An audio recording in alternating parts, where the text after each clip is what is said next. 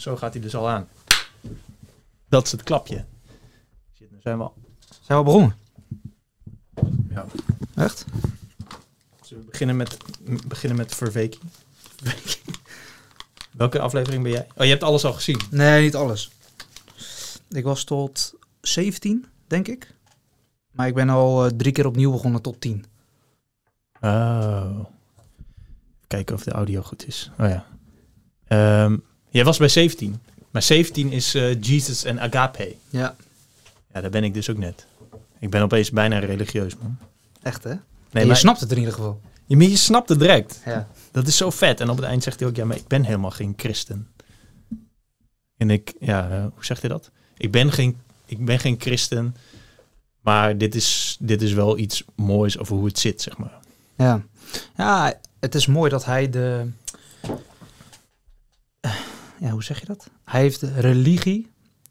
Kan hij heel mooi scheiden van ehm, hoe je religieus zijn normaal definieert. Hij zegt, ja, religie, het is gewoon een platform, een manier, een frame, een raamwerk om eh, structuur te brengen en zin te geven Ja, aan, de- aan het meaning, leven. ja. Ja. Het is gewoon een meaning, een, een raamwerk. Maar ik vind het wel een mooie, hij heeft wel een mooie cliffhanger van eh, de meaning crisis, zeg maar. Ik ben wel echt benieuwd naar waar, wat echt specifiek die crisis is en dan hoe je dat moet oplossen. Zeg maar, ik, hij geeft al wel voor, Ja. voorbeelden ervan. Maar ik ben wel benieuwd naar, naar zeg maar, waar, waar het naartoe gaat. 52 afleveringen. Ja, man. En ik, het, is zo, het zo denigre, of denigrerend, nee, deprimerend dat iedere nieuwe aflevering zoveel minder views heeft. Want ik zit Ja, nu op aflevering met 14.000 views. Ja, klopt. Ja, de, in het begin zijn er echt Je moet voor de grap kijken hoeveel de laatste... drie of zo. Ja, Gewoon ik, die alleen maar aangeklikt heeft per ongeluk. Mhm. En denk ik hij zelf en zijn vrouw. Ja, het is wel sick. Kijk je wel eens die meditatiedingen van hem? Echt slechte kwaliteit. Er zit hij ergens Ja. in zijn keuken of zo. Ja, maar die zijn wel echt heel goed. Niet de... Hij heeft twee... eh, hij heeft de meditatie zelf Ja. en de uitleg ervan. Die uitleg is echt vet. Oh, ja, die heb ik nog niet gekeken. Ja. Want ik zie, Echt ik vet. zie hem dan eerst zit hij zo tegen zijn muur. En dan zit hij te, te chanten. Zo. Dat doet hij dan. Ja. En daarna pakt hij whiteboard erbij. Dan staat hij eerst een kwartier te praten voor het whiteboard. En dan schrijft hij één woord op. Ja. Eh, dat klopt wel, denk ik. Ja. Dat is mijn definitie van. Ja. Op dat punt ben ik in mijn leven. Nee, het is, het is wel mooi, want eh, ik was toevallig... eh, hey, hij is weg. oh ja, nu... het is Nou ja, hij, stopt, hij stopt automatisch volgens mij. Maakt hij het automatisch clean. Ah, Ja, mensen trouwens voor de luisteraars. We zitten in een nieuwe podcaststudio. Ik heb speciale. een speciale test. Die camera's, die heb ik zelf neergezet. Ehm, dus we moeten nog even testen hoe dit allemaal werkt hier. Ja. Maar goed. Nee, wat ik eh, inderdaad vet vond van die eh, meditatiesessies was... Ik volgde toen de tijd bij Chivo fysiek coachen. Ja. En dat gaat heel erg over hoe je... Ja, ja, gewoon wat betekenen emoties? Welke rol speelt je lichaam? Gewoon heel dat domein. En hoe gebruik je dat om te veranderen? En toevallig ging dat eh, bij Vervaki's en video's er ook over. Eh, gewoon wat, wat gevoel en zo betekent. Hoe je emoties, hoe je dat daadwerkelijk kan praktiseren. In plaats van dat het een soort zweverig iets blijft. Dus die meditaties gaan daar heel erg over. Dus dat is wel, eh, wel tof. Hij is best wel goed altijd in soort zweverige dingen heel concreet maken. Ja. Hij zegt ook altijd heel vaak van hoe here and now, maar wat betekent dat dan zeg maar? Ja. En dan gaat hij twee uur lang definiëren wat het betekent. ja, het is zo vet. Want de, de, de, het eerste kwartier, als je het luistert, denk je... eh, je denkt gewoon, ah, boring, boring college. Het is gewoon, zeg maar, een flashback naar, naar universiteit, eh, HBO, dat je achter in die collegezaal zat, tekeningetjes te maken. Ik denk, oh, zo. Maar na 20 minuten Ja. denk je, oh, wat is dit vet. En dan op 30 minuten begint het te schreeuwen. En daarna, daarna gaat hij gewoon, dan, dan legt hij een paar woorden uit. En daarom heet het dus ook understanding. Ja, het is fucking mooi man. Het is echt mooi. En dan, en dan begint hij nog meer te schreeuwen. En dan, daarna, na 45 minuten, zit je echt zo. Ja, Nice, man. echt heel vet. Wat een baas. Ja, het is ook de eerste, het eerste kwartier, dan gaat hij heel veel definities leggen ook. Ja. Dus ja, oké, oké. Vorige keer hebben we dit verteld. En in één eh, keer zegt hij iets en dan denk je, holy shit. Oh ja, Ja. fuck. En dan ineens zit je er gewoon middenin. Dus dat is wel mooi inderdaad. Ja. Maar eh, ehm, ehm, we, moeten het, we moeten het even hebben over Baudrillard. Jean. Ehm, Onze vriend, ja. ik heb de laatste tijd, ik heb een paar artikelen over geschreven. Eh, ik heb een paar video's over gemaakt. Maar nu hebben we dus een podcast dat- we er echt lekker lang over kunnen lullen. Maar oké, we, moeten, we moeten uitleggen. Mensen moeten snappen wat Baudrillard bedoelt met simulacra en simulation. Ik denk dat we daar in deze podcast ons, ons best voor moeten doen. Ehm, Oké, ik wil het introduceren. Jean Baudrillard is een postmodernist, toch? Wat was het ook alweer? De, Ja. de, de koning van de postmodernisten. Ja. Ik weet eigenlijk helemaal niet zo heel goed wat postmodernisme De is. chagrijnige koning. Ja. Ehm, Ik, ik weet het ook niet, eerlijk gezegd. een van zijn boeken, in een van zijn boeken vertelt hij dat waar, waar vroeger een mens een handelend wezen is, een agent, in een wereld van objecten, is het nu bijna omgedraaid, of gedeeltelijk omgedraaid, of grotendeels omgedraaid, en zijn objecten de levens van subjecten, van mensen gaan beheersen. Ja, dus die rol is gewoon omgedraaid. Ja, Dus in plaats van dat je een social media kanaal aanmaakt en dat jij eh, het subject bent en je social media kanaal het object, is het nu andersom. Dus Ja. je social media kanaal maakt jou. Dus jij bent nu het object geworden en het social media kanaal is het subject. Ja, en, en, de, en een krant is ook niet meer per se een manier om aan de wereld te vertellen dat er iemand is overleden, maar is een soort van heel erg systeem geworden die allerlei mensen beïnvloedt en een soort van virtueel wereldbeeld Ja. voorschotelt. Ja, precies. En over die virtuele wereldbeelden gesproken, die Baudrillard vindt of zegt. ehm, ehm, er is niet meer een verschil tussen de nepwereld en de echte wereld. Het is allemaal al lang met elkaar verweven. Dus, dus hij zegt dus: jouw wereld, ik kan naast jou in de bus zitten en we, eh, we rijden in dezelfde bus, maar we, we leven in, al, in twee hele verschillende werelden. Omdat jij zit in allerlei virtuele dingen die beïnvloed zijn door eerdere virtuele dingen en andere werelden. En ik ook. En daardoor is het dus, ja, dat zorgt eigenlijk voor heel veel problemen. Ja. En Ja, het is het, ik denk ook dat het, ehm, het het grote probleem is, en dat is bijvoorbeeld de film The Matrix. Die wordt heel vaak vergeleken met eh, de filosofie van Baudrillard. Alleen de Matrix is natuurlijk zo gewoon het, ja, de ene wereld is een, eh, is een simulatie en de andere wereld is de echte wereld. ja, dat is, dat is problematisch. Dat is, dat is problematisch. En eh, alleen, dus dan zouden we kunnen zeggen, ja, social media is de simulatie en eh, buiten op straat is de echte wereld. Alleen Baudrillard zegt, het gaat nog verder. Want we hebben nu het punt bereikt dat social media en de echte wereld niet meer van elkaar gescheiden zijn. Ja, ja, het dat- is een soort van in elkaar overgelopen. Ja, we, we zijn het al gepasseerd. Omdat, Juist, ja. omdat jouw social media is niet mijn social media. We kunnen niet allebei in dezelfde social media Precies, zitten. Dus we hebben een omgeving gecreëerd buiten de echte wereld, buiten, wat vroeger echt was. Maar dat is zo ver gegaan dat het onze echte levens ook is binnengedrongen. En ja, op het moment dat dat het geval is, dan, eh, ja, dan vervaagt dus wat echt is. En Baudrillard zegt daarover, ja, op het moment dat je geen houvast meer hebt in, in wat echt is en wat eh, simulatie is, dan verlies je dus grip op de werkelijkheid. Ja. Dus wat normaal is. Je soort van definitie van normaal, die heeft eigenlijk geen, eh, ja, geen fundament meer. Want in, in, de, in een simulatie kan alles. Het, het heeft geen grenzen. Het simuleert eindeloos. Ja. Dus net als bijvoorbeeld social media. Ja, iedereen, iemand kan een, een video maken over eh, hoe zijn moeder is eh, overleden. En dan reageert iemand gewoon, wees blij dat je toch tot gisteren een moeder had. Want mijn moeder is tien jaar geleden overleden. Dat Ja. je zoiets kan. ja, Terwijl in het echt op straat, dan gebeuren dat soort dingen niet. nee. Weet nee je? ja, ja. En, en online gaat iedereen dan daar soort van op reageren. Van ja, ja, en hoe heftig is dat tien jaar geleden al? Da daar word je in meegezogen. Dat Ja. soort van het fundament Maar van wat normaal is. Ja, omdat het, het gaat iedere dag, stapje voor stapje, wordt het zeg maar een soort van een gekkere virtuele... Ja, want je borduurt voort op de eerdere simulatie. Ja, Dus het gaat steeds verder, verder, verder, verder, verder. ja en nu, nu, we zijn dat natuurlijk al lang gepasseerd. Alleen, Ja, en, en Baudrillard schreef het in 1980 of zo. Ja. Ja. Want wat, wat, wat hij ook zei, wat ik dus heel interessant vond, is omdat mensen. Ehm, om, mensen weten dus niet meer zo goed wat de echte wereld is. Want die is er ook niet meer. Mensen weten niet zo goed meer wat hun identiteit is, omdat ze geen houvast hebben. Ja. En wat Baudri- Baudrillard voorspelde, zei van ja, mensen gaan dan alleen maar meer consumeren, omdat ze dan met die spullen willen zeggen, dit ben ik, hier sta ik voor, dit vind ik belangrijk. Ja. En dat is, dat is ook precies wat er gebeurt. Zeg Ja. maar, Ja, in, zo'n simulatie, gewoon let op social media, gelden andere regels dan in het echte leven. Ja. Eh, of in het echte leven, ja, dan niet op social media. Want we weten dan even niet wat echt is, nee. als we hem volgen.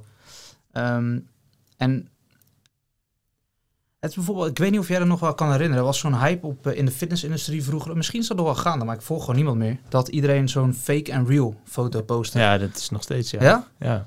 Oké, nou, die simulatie duurt echt lang. nee, maar het is, dan post iemand een foto van, ja, real of eh, fake is dat ik perfect ben. En real is dat ik ook cellulitis heb als ik opgekronkeld in elkaar zit. Bitch. dat weten we. ja.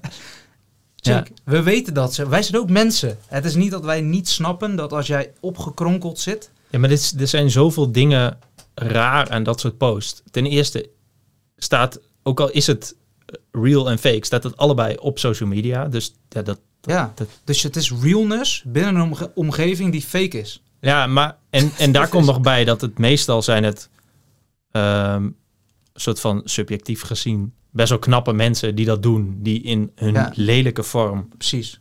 Nog dat je nog steeds kan zien, oh ja, je bent nog steeds best wel knap, zeg Ja, maar. Ja, Dus ja, dan is het ook wel weer makkelijker om te doen. ja. Nee, dat is denk ik ook wat... eh, dat is denk ik ook wat Baudrillard bedoelt. Van ja, je maatstaven vervagen. Ja, maar dat is, Er wordt een nieuw contrast elke keer geschetst. Voor wat echt is en wat nep is. ja. Maar dat is gebaseerd op iets wat al nep is. Ja, dus dat, dit gaat alleen maar zo verder. Ja, dit gaat steeds door. verder, ja. Dat, dat is ook, eh, want mensen delen nu echt, ja, gewoon echt dingen die heel privé zijn. En dan gaat iedereen zeggen van ja, het komt wel goed. En iedereen troost elkaar online. Weet je, er gebeuren echt wel dingen die eh, een aantal jaar terug echt nog niet gebeurden. Nee. Alles is heel normaal geworden. Ja, ja. Ik weet niet eens meer hoe exact hoe kwamen. Oh ja, jij zei omdat je door middel van spullen en zo probeer je te laten zien wie je bent. Ja, dat is heel makkelijk dus op social media. Het is gewoon een etalage. Kijk maar wie, kijk wie ik ben, bijvoorbeeld. ja. En door middel van eh, selectie kan je natuurlijk laten zien. eh, Ja, Ja. het, het is, het is natuurlijk, wat, wat zei die eh, kak-filosofie over die video over, eh, over Baudrillard, dat als je bijvoorbeeld een, eh, jong bent en je hebt voor het eerst een date met iemand, dan, dan ga je je gedragen zoals in de film die je hebt gezien over een, een date. Ja, inmiddels, ja. dat is misschien een beetje ouderwets, maar in- inmiddels ja, ga je dan hoe dat is, zoals een meme op TikTok, klopt. Ja. ga je dan proberen te gedragen. Maar die meme op TikTok is gebaseerd op waarschijnlijk een eerdere meme, waarschijnlijk op een video van iemand anders die gebaseerd is op een situatie op social media. En nou een paar iteraties verder is dat een soort van ja, wat er in weer tussen air quotes de echte wereld is gebeurd. ja, precies. Er, er is ooit een oorsprong geweest, maar die is, die is al nergens meer te bekennen. Maar ja, de vraag is dus is dat, is dat erg en waarom, zeg maar? Dat, dat al die virtuele werelden in elkaar overlopen. Nou, ja, kijk, het is, het is grappig eh, dat bijvoorbeeld de social dilemma is natuurlijk nu eh, ja, een, een, een, gespreksonderwerp, Ja, denk ik. ja. Ehm, en die zeggen precies hetzelfde eigenlijk. ja. Alleen zij kunnen er veel concreter over worden, omdat techneuten zijn of insiders die, de, die deze evolutie mee hebben gemaakt. Maar zij zeggen precies hetzelfde. Van ja, wij zijn nu een product van social media in plaats van dat het een product van ons is. ja. En eh, in, de, in die documentaire zeggen ze natuurlijk ook van ja. Het is zo ver verwijderd van, eh, van, van de daadwerkelijke basisbehoeftes van mensen. eh, dat, je, dat je- je kan geen basisbehoeftes door middel van die, die, die omgevingen vervullen. Dus een social media is ooit gemaakt om te verbinden. Ja. Maar de manier waarop het ondertussen gebruikt wordt, maakt het onmogelijk om te verbinden. Ja. Want echte verbinding vereist dan, nou, we weten dat het kwetsbaarheid vereist. We weten dat het uh, acceptatie vereist. Tijd. Tijd. Dat heb je allemaal niet op social media, bijvoorbeeld. Dus ik denk dat het problematisch is in de zin dat we omgeving hebben gecreëerd die, die heel goed echtheid kunnen nabootsen. Of heel goed kunnen nabootsen alsof ze onze basisbehoeftes kunnen vervullen. Maar die dat in werkelijkheid niet kunnen. Nee, dus, dus dan.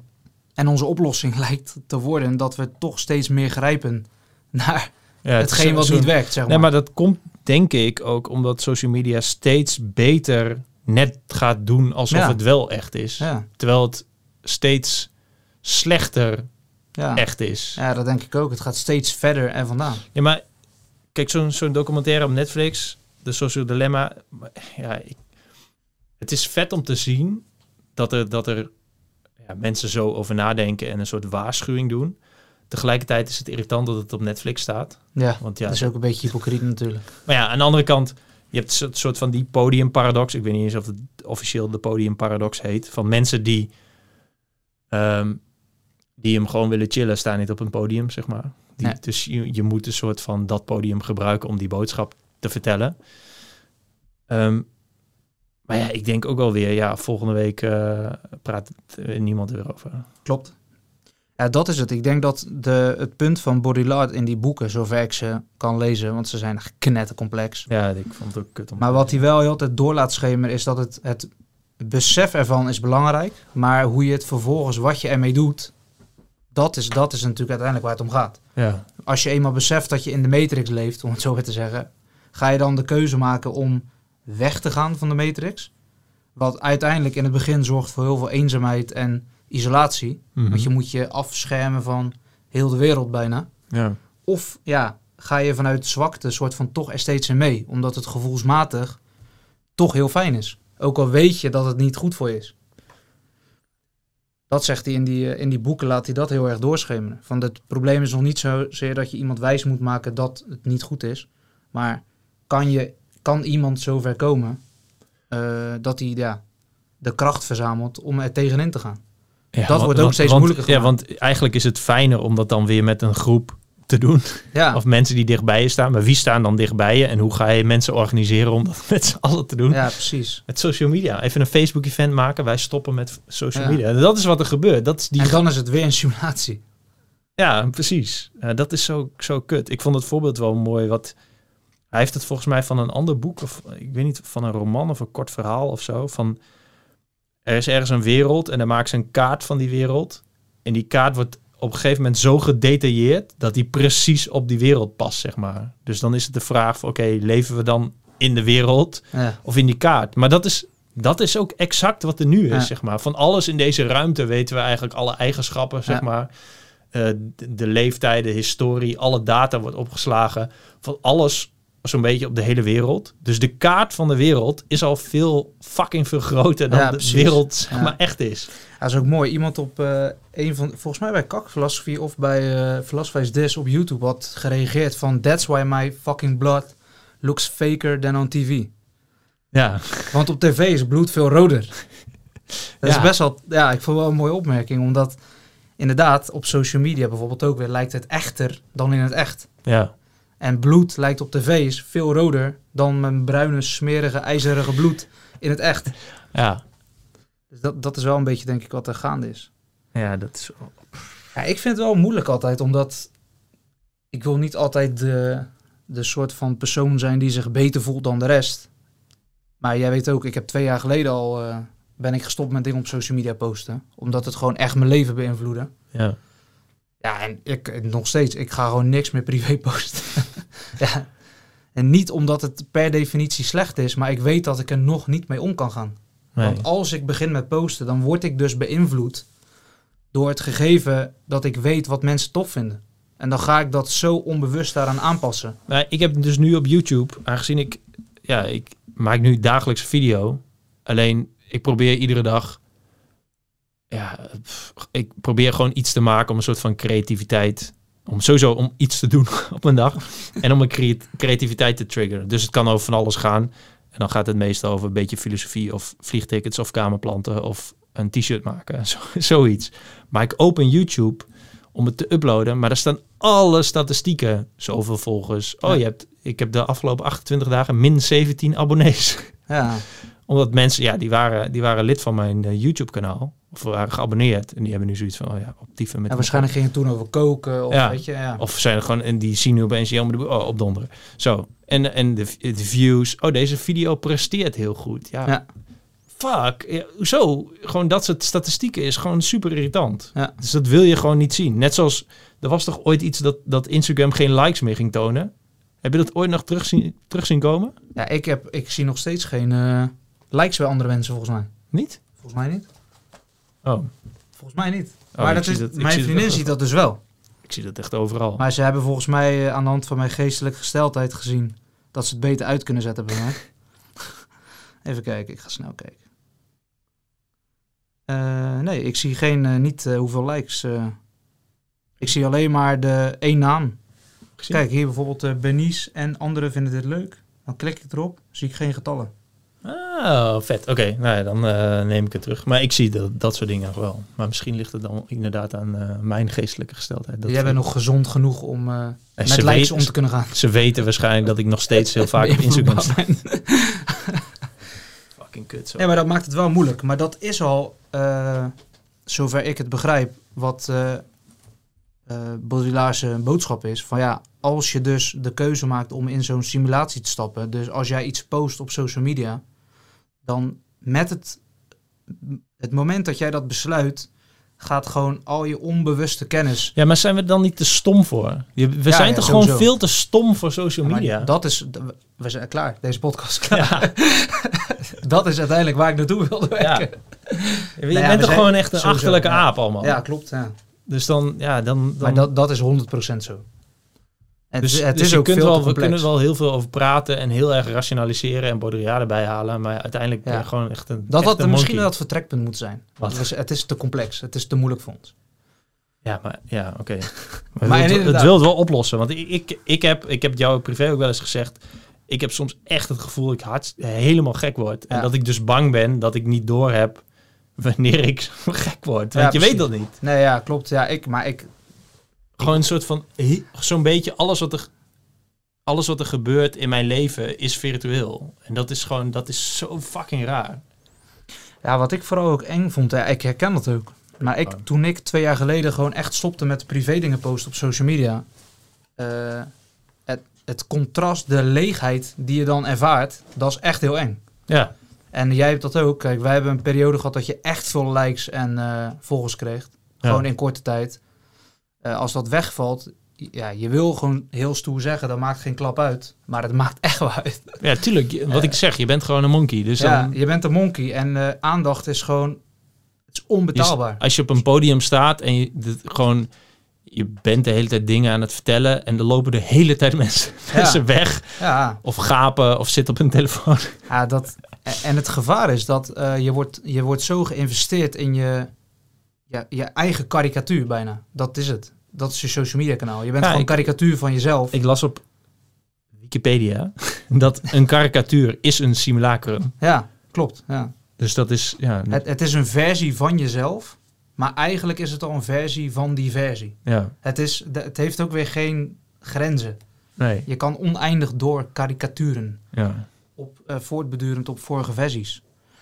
En dat, is het, dat vond ik heel eng. Dat, bijvoorbeeld ook, ik had een periode dat ik... eh, dat mensen echt vragen aan mij stelden over het leven. Dan ga je daar heel uitgebreid op antwoorden op social media. Iedereen gaat antwoorden hoe vet het wel niet is wat je zegt.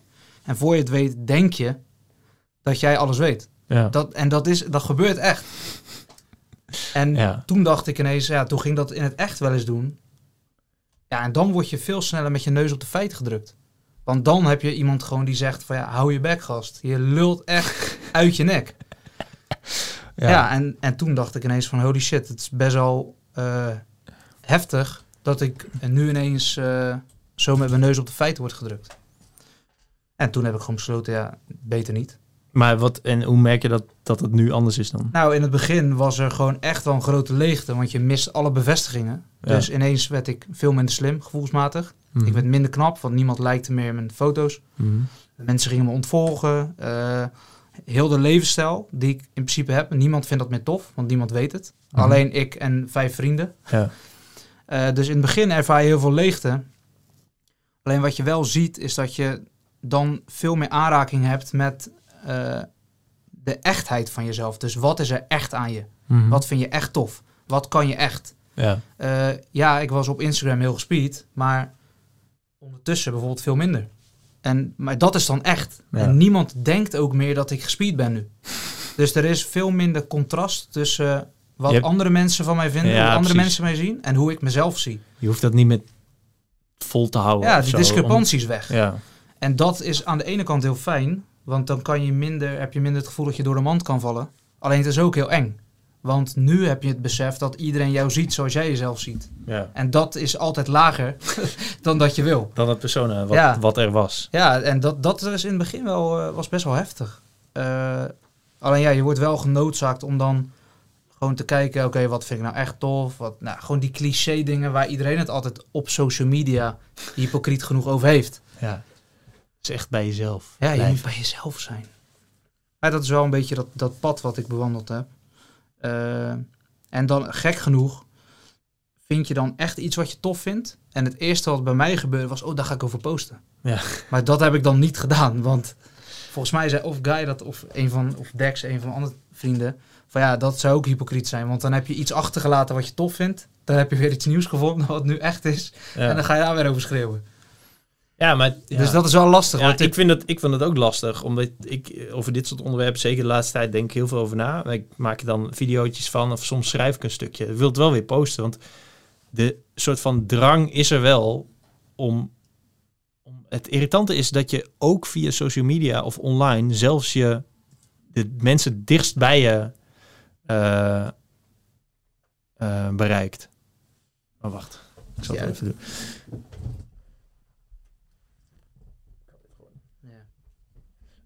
Ja, klopt. Dat is, dat is dus het. Er is, er is geen. eh, er is geen cold turkey. Denk ik. Ja, nou ja, ik heb... Nee, laat ik het anders zeggen. Social media is gewoon een.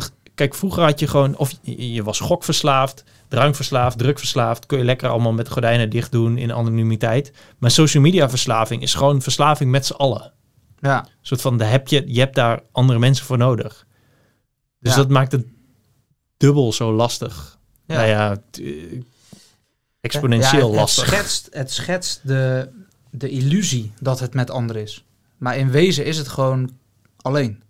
Want je hebt je eigen virtuele wereldje gecreëerd. Ja, oké, dat is wel waar. Maar ja. dat is dus het, ook het gevaar dat je het idee hebt dat je met z'n allen bent. Maar dat is gewoon neppe verbinding. Het slaat echt nergens op. Want het, laatst ook, toen, eh, dan, dan zie je iemand die gewoon sterk veel overgewicht heeft. Maakt helemaal niet uit, dat is helemaal geen oordeel. Maar wat die persoon kan doen, die kan een foto op social media zetten. Zeggen dat hij, dat hij zich slecht voelt over zijn gewicht. En dan na duizend comments, positieve comments van... hé hey joh, valt wel mee, komt helemaal goed, je bent meer dan je lichaam. Voelt diegene zich goed. Mhm. Maar niet echt op straat of als je langs de spiegel loopt. Nee, online voel je je goed. Ja. Dat is het gevaar. Dat je op een gegeven moment is, het, is er een contrast van... oh ja, hier voel ik, me- kan ik me goed ja, dus, voelen. dus die instantie van jezelf die online Ja. bestaat. Die is er niet echt. Nee. Want de volgende dag kunnen wij ruzie hebben. En dan zeg ik gewoon, ja, ik heb net ruzie met een vriend gehad. Oh, het ligt niet aan jou, joh. Hij heeft vast niet goed geluisterd. En voordat ik het weet, denk ik van, ja, oh ja, Jelme heeft inderdaad niet goed geluisterd. Mhm. Ja, dit- je hebt geen aanraking met de realiteit. Nee. Weet je, dat is, dat is een beetje wat ik altijd eng vind van social media. Ehm, en ja, waarom ik echt huiverig mee ben om dingen te posten gewoon. Omdat ik weet dat ik anders weer gewoon verstrikt raak in dat beeld. Dat wil ik niet. Maar je, je, je bent nu wel dingen aan het posten. Ja, alleen dat doe ik via later.com. Dus dan Ah, hoef ik gewoon niet in te loggen. Maar je wilt wel posten. Ja, en ik post dan vooral in de ik-vorm. Mhm. Dus ik gewoon letterlijk wat ik ervaar, vertaal ik naar woorden. Ja. Alleen ik, ja, ik, ik post niet meer bijvoorbeeld adviezen of zo. Maar ik probeer zeg maar het contrast zo klein mogelijk te houden. En dat is al moeilijk, want soms denk ik dingen die je eigenlijk niet moet zeggen in het openbaar. Maar dat probeer ik wel zo klein mogelijk te houden. Ja, oké. En dan wil ik ook niet feedback van anderen eigenlijk erop zien. Dat boeit me niet heel veel. Het is gewoon eigenlijk een open dagboek. Nee, ja, maar sowieso... kijk, dat is ook het kutte van online feedback. Want het is, het is vet als een wild vreemde tegen je zegt van... joh, misschien eh, moet je deze video eh, van eh Kak Philosophy Ja. even kijken. En dan denk je, wow, wat vet. Huh? Een wild vreemde zegt tegen mij iets knettergaafs... waar ik superveel Ja. aan heb. Dat is mooi. Maar precies het tegenovergestelde... Nou, niet precies het tegenovergestelde... maar een wild vreemde die iets fucking dom zegt... Ja, dan, dan, dat stroomt alle... dat is, dat is gewoon hetzelfde. Maar, Dat- Dat zegt Nietzsche, die bijvoorbeeld heel erg sterk in al zijn boeken. Dat als jij de, alleen maar de positieve kant vet vindt, maar de negatieve kant eh, ja, weigert te zien. Of nee, sorry, andersom. Als jij de negatieve kant kut vindt, bijvoorbeeld zoiets als Ja. iemand iets fucking dom zegt, ja, dan, dan heeft het gewoon geen zin eens meer zin om de positieve kant te belichten van zoiets. Ah, oké. Als dat zo kut is, dat het noemenswaardig is, zeg maar, Ja. ja, dan, moet je, dan is het gewoon niet waard. Alleen dat positieve, dat is dus een soort van, je weigert het gewoon los te laten, omdat het een soort van glimpse heeft van iets moois. Maar eigenlijk is het gewoon kut. Want het is, elk negatief heeft natuurlijk een positieve kant en andersom ook weer. Ja, dus eigenlijk zeg je van... of je moet het allebei accepteren of allebei niet. Ja, en dat allebei accepteren kunnen we niet. En dus dan vorm je groeperingen van mensen die alleen de positieve kant belichten. Maar dat is gewoon wegrennen van de andere kant van de munt. Die er ook bij hoort. Die- Ja, oké, die er sowieso Dus dan bij krijg je communities van allemaal mensen met overgewicht, die elkaar allemaal wijsmaken dat het prima is. Allemaal mensen die extreem links zijn, die elkaar allemaal wijsmaken dat dat de enige manier is om naar politiek te kijken. Ja. Ja, je hebt zelfs je hebt voor elk dieet heb je een Facebookgroep. Elke politieke beweging heeft een Facebookgroep. Elke fashionbeweging heeft een groep. Het is je wordt alleen maar blootgesteld aan iets wat jij ook vindt. ja, en dat... Ja, En dat had ik ook. Hè. Ik bedoel, ik ben geen uitzondering. Ik bedoel, ik volgde ook gewoon mensen waarvan ik dacht dat die slimme dingen zeiden. Maar dat komt omdat het enigszins in lijn ligt met wie ik ook ben. Dus dat is gewoon die virtuele bias die eh, zo sterk is. maar zijn er manieren online die niet zo zijn, zeg maar? Zijn er een soort van... Ik weet niet of wat het Nederlandse woord is, maar wholesome communities of dingen online of virtueel die goed voor je zijn? Ja, kijk, ik heb mezelf ook wijs gemaakt. Dan doe je alleen je vrienden volgen Ja, en that's it. ja, Eh, dat doe ik overigens ook nu. Maar even wat het gevaar dan is, is dat je ziet, oh ja, Guy heeft dit geliked, Guy heeft hierop gereageerd. Oh ja, Jelmer eh, heeft dit gedeeld. Dan klik ik daarop en dan ga ik de wormhole in. ja. En dan is dat, het gaat gewoon voordat je het door hebt. Dat is, zo kut. Ja, maar wat, ja, maar En- wat is dan... Hoe, hoe, hoe moet het dan, zeg maar? Ja, Want het is ook chill om nieuwe mensen te leren ontmoeten. Ja, en in som alleen- en het is kijk je zegt net wel van oké negatieve reacties zijn eh, die moet je gewoon accepteren als je ook de positieve reacties wil accepteren dat eh, ja dat vind ik mooi Ehm, en en mensen zitten niet vaak te wachten op negatieve reacties maar soms is het ook wel chill als iemand je eventjes op je op je nummer zet zeg maar dat het dat het maar dan, dan wil Ja, je alleen- altijd goede argumenten ja, hebben, zeg het, maar. het probleem is op social media, jij kan ervoor kiezen om negativiteit eh, niet te zien. Ja. En in het echt kan dat niet. Want ik kan op social media zeggen dat ik sterk ben. En iedereen die zegt dat het niet zo is. Ja, bro. ik zeg dat het wel zo is. Dus het is zo. En op straat, als ik zeg ik ben sterk. En jij geeft mij een kopstoot en ik lig op de grond. Dan is het ontkracht. ja, maar Ja. dat kan niet gebeuren op social media. De, Nee, je- precies. er is geen confrontatie met wat echt is. Jij kan er gewoon voor kiezen om die comments geen waarde te geven die tegen jouw eh, perspectief ingaan. En then it's gone. Dan, zijn, dan is de waarde ervan af. Ja. Dat is ook met boekenreviews zo. Sommige mensen zeggen het is één ster. En mensen die zeggen het is vijf ster. Ja. En dan zeggen iedereen die het boek vet vindt, zegt dan altijd over de mensen met één ster van ja, zij snappen het niet. Nee, precies. Oh, nee, nee, wij andersom. snappen het. En, En andersom. andersom. Ja. Dus wat, ja. Dus als allebei geen waarde hebben voor de andere partij, dan is de totale som dus dat geen van die reviews waarde heeft. Ja. Anders ben je biased naar één kant. Maar ik doe altijd drie sterren reviews lezen. Heb ik, is dat dan wel slim? Ja, dat doe ik ook, man. Ik doe dat ook. Dat ik kies altijd het midden. Ja, want heel vaak staat erin van... Oké, ja, deze dingen waren vet, Ja. maar dit niet. Zeg maar, dat is... Ja, die, die lijken in mijn ogen objectiever. Maar weet je hoe dat ook weer komt? Omdat ik ook altijd gewoon een midden guy ben. Ik ben nooit extreem blij. Nee, of dat, extreem eh, ik- boos. dat, dat heb ik ook, ja. Maar ik ben altijd zagrijnig, maar toch content. Ja. Dus dan ben je drie sterren, zeg maar. Ja, Ja, dat, hoe was het eten? Ja, gewoon, gewoon ja, lekker. wel prima, ja. Maar nooit dat ik echt zeg van... wow. ja. Dus ja, dat, ja. Ja, maar ja, dus, maar en je, en je kunt ook niet kiezen om en één sterren en vijf sterren te lezen. Want dan, ja, dan kijk je gewoon naar twee soorten debielen. Ja. ja, je moet gewoon, denk ik, dat is...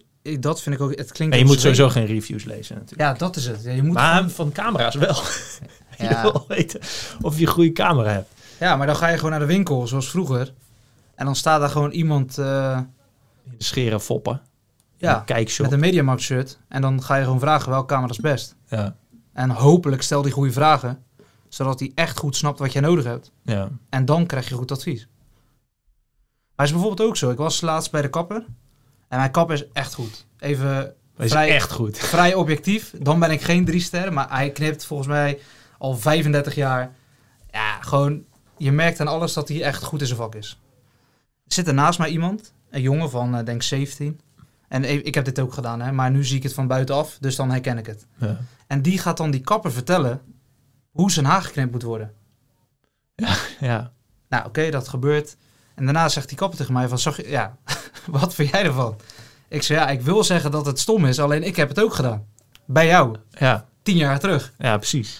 Maar dan heb je ineens door van, die jongen van 17, die is dus in de illusie dat hij weet hoe zijn haar geknipt moet worden.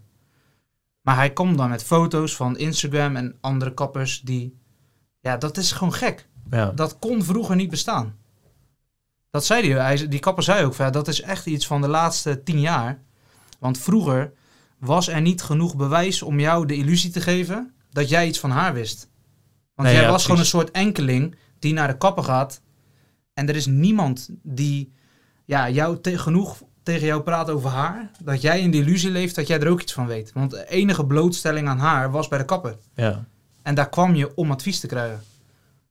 ja, precies. En, en toen had ik net eh, Social Dilemma gezien. En toen dacht ik, ja, dit is wel een mooi voorbeeld. Ja, omdat ik, ik, ik heb het zelf ook wel dat ik de hele tijd verzand in het voorbeeld social media. Maar er zijn natuurlijk heel veel. Ja, dat soort, dit, dat is, soort- dit is ook zo'n situatie. Dat iemand zo ver van de realiteit is. En het gek is ook, het is verklaarbaar. Ja, die kapper zei ook van, ja, ik kan het hem niet eens kwalijk nemen. Want heel de wereld zegt tegen hem, dit is tof haar. Ja, Dan kan ik wel zeggen van, ja, dat is kut. Alleen, dan gaat hij gewoon weg. Ja. ja, dan gaat hij het ergens anders laten knippen. ja.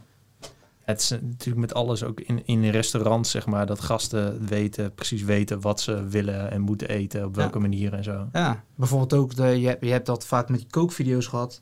Of we hebben het vaak gehad over recepten. Dat mensen zeggen, kan je die mayonaise vervangen voor currysaus? Ja, Ja, bro, dat kan, maar het wordt een ander gerecht. En als je dat dan zegt tegen mensen, dan zeggen zij van ja, maar het is gewoon lekker. Ja, maar ja, welk gesprek hebben we nu, zeg maar? Iedereen weet, je hebt geen weerwoord online. Nee. Het is gewoon een recept, het is lekker zo. Als je dat wil doen, doe het. Maar je moet, ja, het is, iedereen is expert, zeg maar. Dat idee heb ik heel erg. ja en, en eh, alle variaties zijn mogelijk, Ja. zeg maar. Dat is, dat is een heel groot onderdeel van mijn boek, zeg maar. Dat, dat die optionaliteit, gewoon die classic paradox of choice. Ja. Zeg maar, alles Dat is een mooie, ja. lijkt voor iedereen mogelijk. Eh, omdat ook heel veel mogelijk is.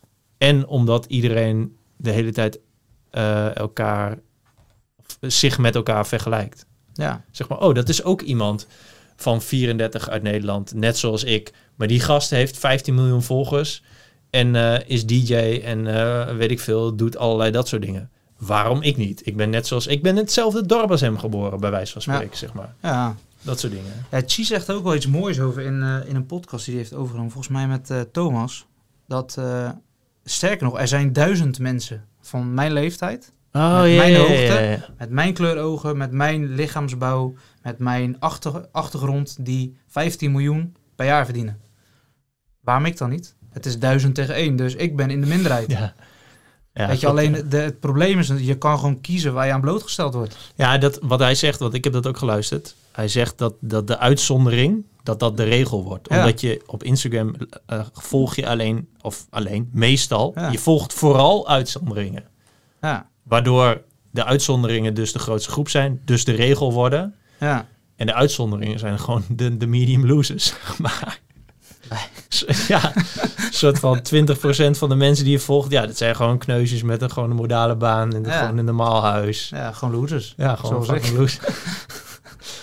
ja, dat is echt, ja. Maar goed, ja, wat, ja. Misschien is de vraag wel helemaal niet wat is de oplossing. Moet je er gewoon lekker lang over praten. En dan komt de oplossing vanzelf wel. Nou ja, ik weet, ik weet niet wat de oplossing is. Maar wat voor mij wel echt geholpen heeft, is gewoon eh, niet meer posten. ja, nee, het is gewoon gek. Je maakt gewoon andere keuzes. Dat Ja. is, daar ben ik wel echt achter. En ik, wil, ik wilde dat niet toegeven heel lang. Want het is best wel kut om te zeggen dat je product bent van social media. Ja, Maar het is gewoon wel zo. ja. En je maakt echt gewoon. Het is bijvoorbeeld. Het zit echt in hele kleine dingen. Eh, ik had bijvoorbeeld eh, ook met eten. Hoe je, hoe je de tafel dekt. Hoe je borden. Ja, al die dingen spelen mee. Hoe Ja. je borden opmaakt. Als je koffie gaat drinken met de sigaar en chocola. Hoe leg je het neer? Ja. Het is allemaal photo-ready. Heel je leven. Het Ja. is echt insane. Ja, ja dat is, dat Het is is wel- echt gek hoor. Dat is, ja. En dan ineens dan ga je, stop je daarmee en dan zie je dat dingen weer, ja, toch weer terugvallen in het hele oude. En dan met hele oude bedoel ik gewoon echt dingen die ik deed toen ik 18 was. Dat je gewoon toch Naar de kapper van langzaam weer terug, langzaam weer terugkeert naar wat je jaren terug wel eens deed of deed. Dat is best wel gek. Ja, ik heb dan nog als extra... Ja, dat, dat, het slaat sowieso nu nergens meer op. Maar dat ik altijd nog vind dat social media mijn werk is. Omdat ik er ooit geld mee verdiende. Nu, nu heel soms, zeg maar. Dat ik nog altijd vind van ja, maar ik moet wel mijn Facebook-account houden. Want ja, ik heb 20.000 likes daar. En misschien dat ik ooit nog een keer iets moet posten... waardoor ik er geld mee kan verdienen. Instagram, ah, ik heb best Ja. wel veel volgers. Moet wel eventjes soort van... Ja, dat is lastig. Ja. Dat een beetje... En je kan posten via later. Ja, dat je nooit meer in te loggen. Ja, maar dan, dan accepteer je nog steeds, zeg maar, dat het een, dat het een onderdeel is.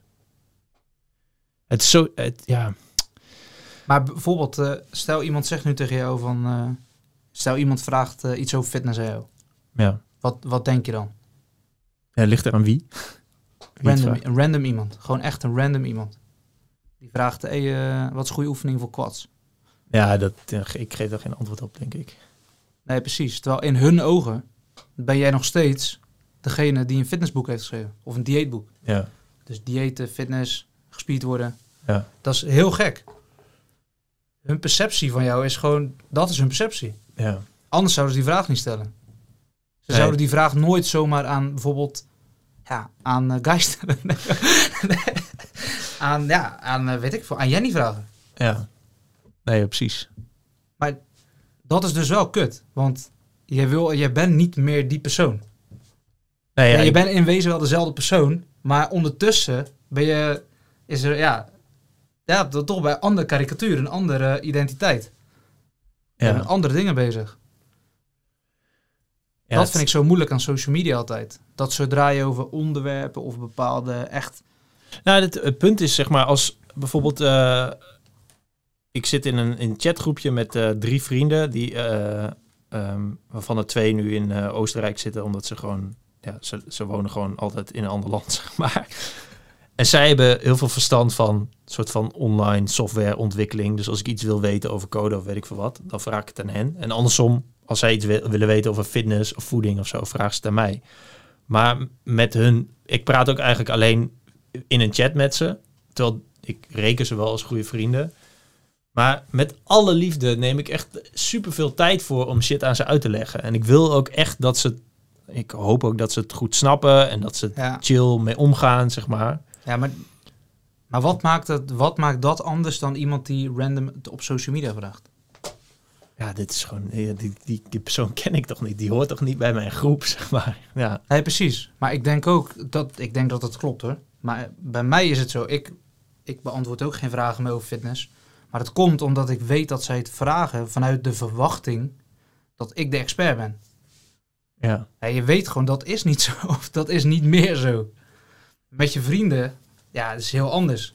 Je, zij, zij nemen je antwoorden op een hele andere manier aan ook. Nee, maar ik, ik vergelijk het meer, zeg maar, als je gewoon weer heel erg soort van eh, evolutionaire benadering hebt. Als je gewoon vroeger een groepje van 100 mensen in een stam hebt. Ja, de- iedere relatie, dus als jij in mijn stam zat, ja, wij, wij kennen elkaar gewoon. Dus als ik verstand heb van toevallig kast worden in die stam 100.000 jaar geleden. Ja, dan weten wij van elkaar, zeg maar, wat, wat we aan elkaar hebben. Dus de relatie is eh, redelijk symmetrisch. Ik ken jou, jij kent mij. Ja. Op, dus, ja, we zien Ja, elkaar klopt, precies even vaak. Met social media, ja, ik denk dat er, dat er meer mensen zijn die mij zien dan dat ik die mensen zie. Alleen komen we weer op die virtuele wereld. Zeg maar, zij leven in een wereld waarin ik heel vaak zichtbaar ben. Ik leef in een wereld waarin zij nooit zichtbaar Nou zijn. klopt, Komt er opeens iemand in mijn DM. hey, uh, Jelmer, wil je even dit en dit en dit? Hoezo? Ja. Rot lekker op. Ja, maar, dat, ja, maar dat is dus ook inderdaad... Dat is denk ik het verschil misschien. Ja, dat dat ja. die, die symmetrie is weg. Ja. Terwijl het is dezelfde online wereld. Alleen ben ik gewoon...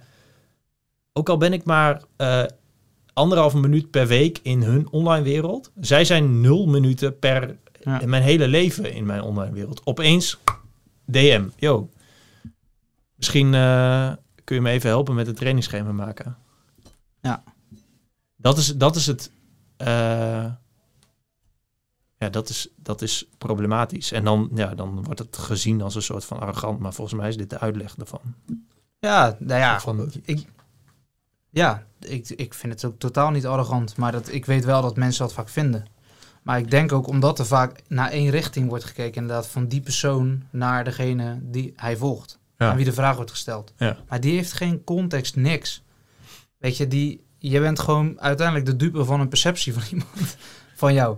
Ja. Want anders zou diegene de vraag niet eens aan jou stellen. Als die jou echt maar, zou... maar dan komen we weer terug bij Nietzsche eigenlijk. Want als ik dan... Dan zou ik dit ook moeten accepteren. ja, klopt. zeg maar, ja, ik als het accepteer vet... Ja, accepteer ook dat heel veel mensen kijken naar mijn dingen en het vet vinden. en Misschien iets van me kopen of zo. Nou, Hij, wat hij zegt is dat de, de positieve, de stel iemand zou iets vets aan jou vragen, dat zou in verhouding moeten staan tot eh, hoe negatief jij het vindt als iemand iets kuts vindt.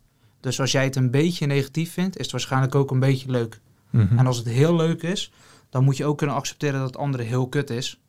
En waarschijnlijk ben je dan zelf degene die, ja, waarschijnlijk eh, veroorzaak je het zelf, zegt hij. Omdat jij dan de perceptie geeft, jij geeft iemand de kans om, eh, ja, om jou die vraag nog te stellen over fitness. Ja. Ja. Dus omdat je een bepaalde identiteit opnieuw aan het schetsen bent, ja, creëer je tegelijkertijd de mogelijkheid dat iets anders kut wordt. ja. Ja, er zit wel wat in, ja. Het is gek, want je kadert een onderwerp af, bijvoorbeeld planten in jouw geval. Ja. Dat, voelt, dat is dan je veilige zone of reizen. Maar daarmee is al, maak je al het andere onveilig.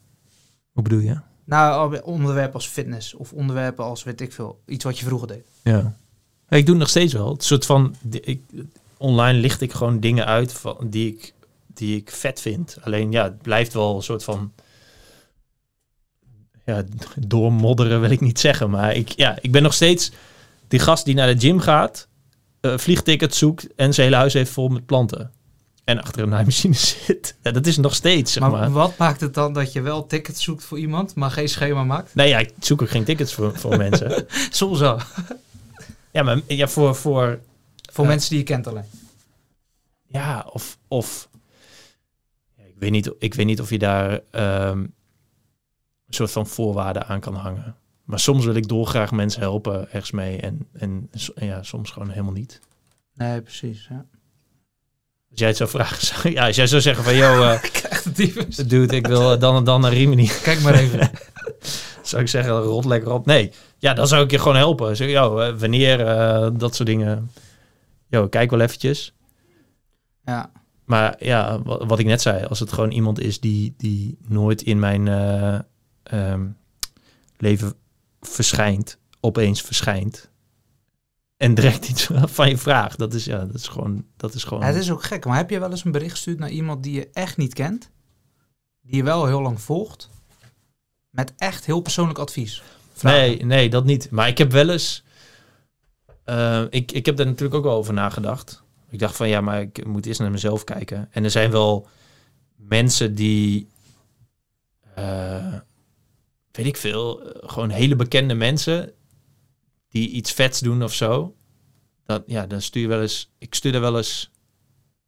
heel sporadisch haha naartoe of zo als ze iets vets doen. Ja, zoiets. precies. Bijvoorbeeld, Maar dat is meer een reactie.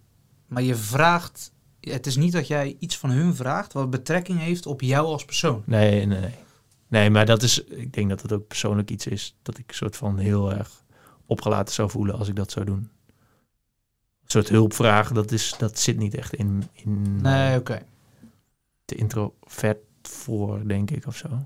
Ja, maar ik, ik ben ook introvert. Alleen tegelijkertijd heb ik ook... Ja, wat moet ik aan diegene vragen? Diegene kent mij niet. Dat, ja. dat is, op zich is het heel simpel, vind ik altijd. Het is, ik zou niet weten wat ik aan een onbekende kan vragen. En dat het antwoord dan ook nog eens waardevol is. Want hij kent mij niet. Nee, ja, precies. Ja, Ja. gewoon hele specifieke dingen. Ja, weet ik veel. eh, Ook als iemand aan jou vraagt van... eh, ja, eh, waar kan ik goedkope tickets vinden? Of is het ticket goedkoop? Dan is jouw eerste idee van... Ja, wat is goedkoop? Ja, precies. Weet ik veel. eh. Ja, maar als je dat Dat- zegt, dan ben je natuurlijk een irritante lul. ja, Nee, maar je kan bijna dus geen goede vraag stellen. Want de vraag vereist gewoon heel veel context over wie jij bent. ja, en dan, dan ga je weer terug naar het echte leven, zeg maar, in je, in je Griekse dorp 2000, eh 2000 jaar geleden. Je gaat ook niet willekeurig iemand op de markt... Yo, eh, wat denk jij dat een goede houtsoort is voor, voor een tafel die ik maak? Precies. Dude, weet ik, Ton- deze Ja. man is gek. Ja. we- laten we hem stenen. hem ja, ja, maar inderdaad. En, maar dat kan wel op internet. Sterker nog, het is zelfs zo dat influencers vaak zeggen van... ik heb de vraag gekregen. Ja, En dat is natuurlijk onzin. Dat is natuurlijk de, de, de inside joke van influencers. Maar het is zelfs zo dat zij zo ver gaan dat ze advies geven zonder mensen te kennen. ja. Ja, en dat kan gewoon. En mensen nemen het aan en het, daar beduren we op voort. En dat blijft allemaal bestaan. Terwijl in het echt zouden mensen je gewoon voor gek verklaren. Als jij zonder kennis van iemand gaat vertellen wat diegene moet doen. Ja. Ja, ja, soms, ja, soms kan het wel. Maar in heel veel gevallen, zeker de laatste tijd, misschien kunnen we daar nog even kort over hebben, over alle life coaches en weet ik veel wat. Die, eh, wat, wat echt sinds, ja, volgens mij begin dit jaar echt een enorm, ja, Ja, de enorme vlucht. life slash business slash... Ja, vorig jaar Ziel. Vorig jaar, dit jaar, ja. Ja, maar nu heeft iedereen ontdekt dat je, zeg maar, je moet de hele tijd posten over hoe succesvol je bent in, in je leven, met wat dan ook. Daarna moet je een soort van gratis webinar. Dan moet je het webinar... Funnel, je moet een funnel. Ja, dat is het funnel, funneltje. Dan gaan mensen in een webinar en dan verkoop je in een webinar, heel persoonlijk, ver- verkoop je een online cursus die mensen kunnen doen. En als mensen die dan doen, dan moet je online vertellen over hoe succesvol je een cursus hebt gemaakt. En dan vertellen aan andere mensen hoe je heel succesvol Ja. die cursus kan verkopen. Maar je moet voorstellen dat het in het echt gebeurt. Ja, het is, ja, Dat- Je loopt buiten. Iemand heeft een, eh, een kraampje. Die is business coach. En die leert andere business coaches hoe zij business coaches iets kunnen doen. ja. Dat er niemand. Ja maar, dit, maar dit, is, dit, is, dit zijn ook simulacra, toch? Ja. Waar, waar, waar praten we nou eigenlijk nog over, zeg maar? Nou ja, je praat over het, het verhalen en ideeën over iets wat ooit bestond. Maar het, het is meer, je hebt een verhaal over een verhaal over een verhaal. Ja. Oké, maar wat, wat is wel leuk om te doen in het leven? We hebben, dit, we hebben echt inderdaad... eh, ja, ik weet niet. Ik wil niet Welkom bij volgende- Levensmoede Podcast. Ik wil niet de volgende business coach of eh, life coach zijn. Net nadat ik ze heb afgekraakt. En daarom weet ik ook vooral wat niet goed is. en ben ik zelf ook zoekende wat dan wel goed is. Ja, het is, dat is toch ook heel moeilijk. Ja. Nou, ik, ik denk heel vaak, als, je, als ik naar Verweek, Verweekie kijk, en ik heb laatst video gemaakt die heette Matties, Matties met wijsheid, omdat filosofie, filo, filia, Ja. Sophia is gewoon vrienden zijn met wijsheid. is echt vet, vind ik trouwens. Ja, dat is volgens mij is dat gewoon, dat zou een heel mooi goal kunnen zijn, wat je dagelijks zou kunnen toepassen. Een soort van, oké, hoe kan ik vandaag matties worden met wijsheid? Ja. En eh dat hoef je niet te verkopen aan iemand anders. Je hoeft het niet op te dringen. Je kunt gewoon lekker in je eentje een boek lezen met een kop thee. Dat is, volgens mij is dat dan wat, wat leuk is in het leven. Of zo. Wat is wijs? Ja, dat, wat, wat, ja, en dan wat is wijsheid? Hè? Dat is ook zo heel dat is echt zo lastig. Ja.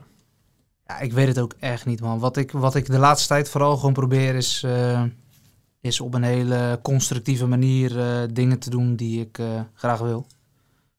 Eh, Ja. Dus gewoon, eh, ja, zonder andere mensen daar eh, de dupe van te maken, keuzes te maken die ik denk die voor mij goed zijn. Zoals Ehm, hond uitlaten. nou ja, bijvoorbeeld, een heel simpel voorbeeld is bijvoorbeeld gewoon als je een verjaardag hebt van schoonfamilie. Ja. Je bent gewoon geneigd om te zeggen van... Zo moeilijk is dat toch niet een verjaardag? Ga daar gewoon even twee uurtjes heen. eh, wat doe je moeilijk? Ja. Alleen ja, het kan ook gewoon zijn dat ik echt iemand ben die dat gewoon echt niet aan kan. Nou, Dus- is, in dit geval heb ik een super chille schoonfamilie. Maar even, dit zou echt een voorbeeld kunnen zijn waarop ik dat zou praktiseren. Dan is de vraag dus, ga je, je jezelf twee uurtjes opofferen?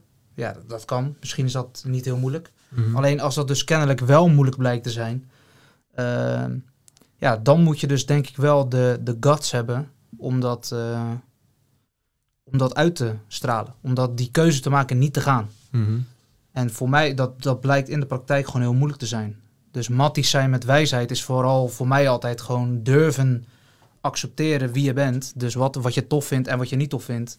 En daar vervolgens naar handelen. Ja, precies, daarvoor staan. Ja, en dat, maar dat is echt heel eng. Ja, maar dat is integriteit, zeg maar. Ja. Dat is, maar in de echte wereld is integriteit zoveel fucking veel moeilijker dan in, in de online wereld. Iedereen zegt altijd, je moet jezelf zijn. Het, dat is echt niet makkelijk. Nee, dat is... Als je echt jezelf bent, dan ga je gewoon superveel mensen achter moeten laten. Eh, hele omgevingen, misschien wel landen achter moeten laten. Ja, De mensen die dat doen zijn 0,1% op de wereld. ja. Weet je, dat is echt, het is heel lastig gebleken om eh, jezelf te zijn. Vooral in een tijdperk waarin je gewoon zijn, kan zijn wie je wil zijn. Dus om al die omgevingen, simulaties achter te laten waarin er geen grenzen zijn. En gewoon, eh, ja, soort van je, je eigen lichaam en kennis tot je kaders te maken in je, eh, in je eigen wereldje. Dat is echt heel moeilijk. Ja, maar ben je dan niet bang dat je een soort van ja, een kluizenaar wordt? Ja, maar de, Of zo? Nou ja, toevallig had ik daar, even kijken, eergisteren of de dag daarvoor een gesprek over met mijn coach. En die zei van ja, wat nou Heb je als die je... via Instagram? Nee. nee, ze heeft ook geen gratis cursus. Oh. Dat was mijn eerste vraag ernaar. nee, maar die vroeg, oké, wat nou als jij een kluisenaar bent? Toevallig.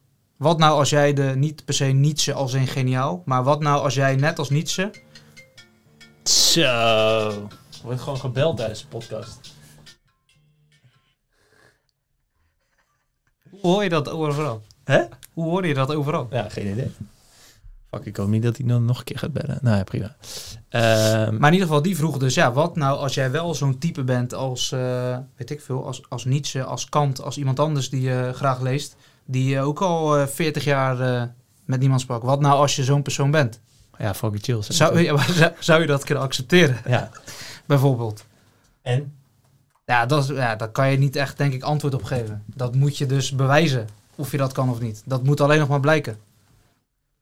Maar het is dan best wel lastig, want ik had, dan hebben we het bijvoorbeeld ook over, eh, ja, weet ik veel, dat iemand, mensen zijn ook bijvoorbeeld heel snel geneigd om te zeggen, ja, ik ben niet monogaam.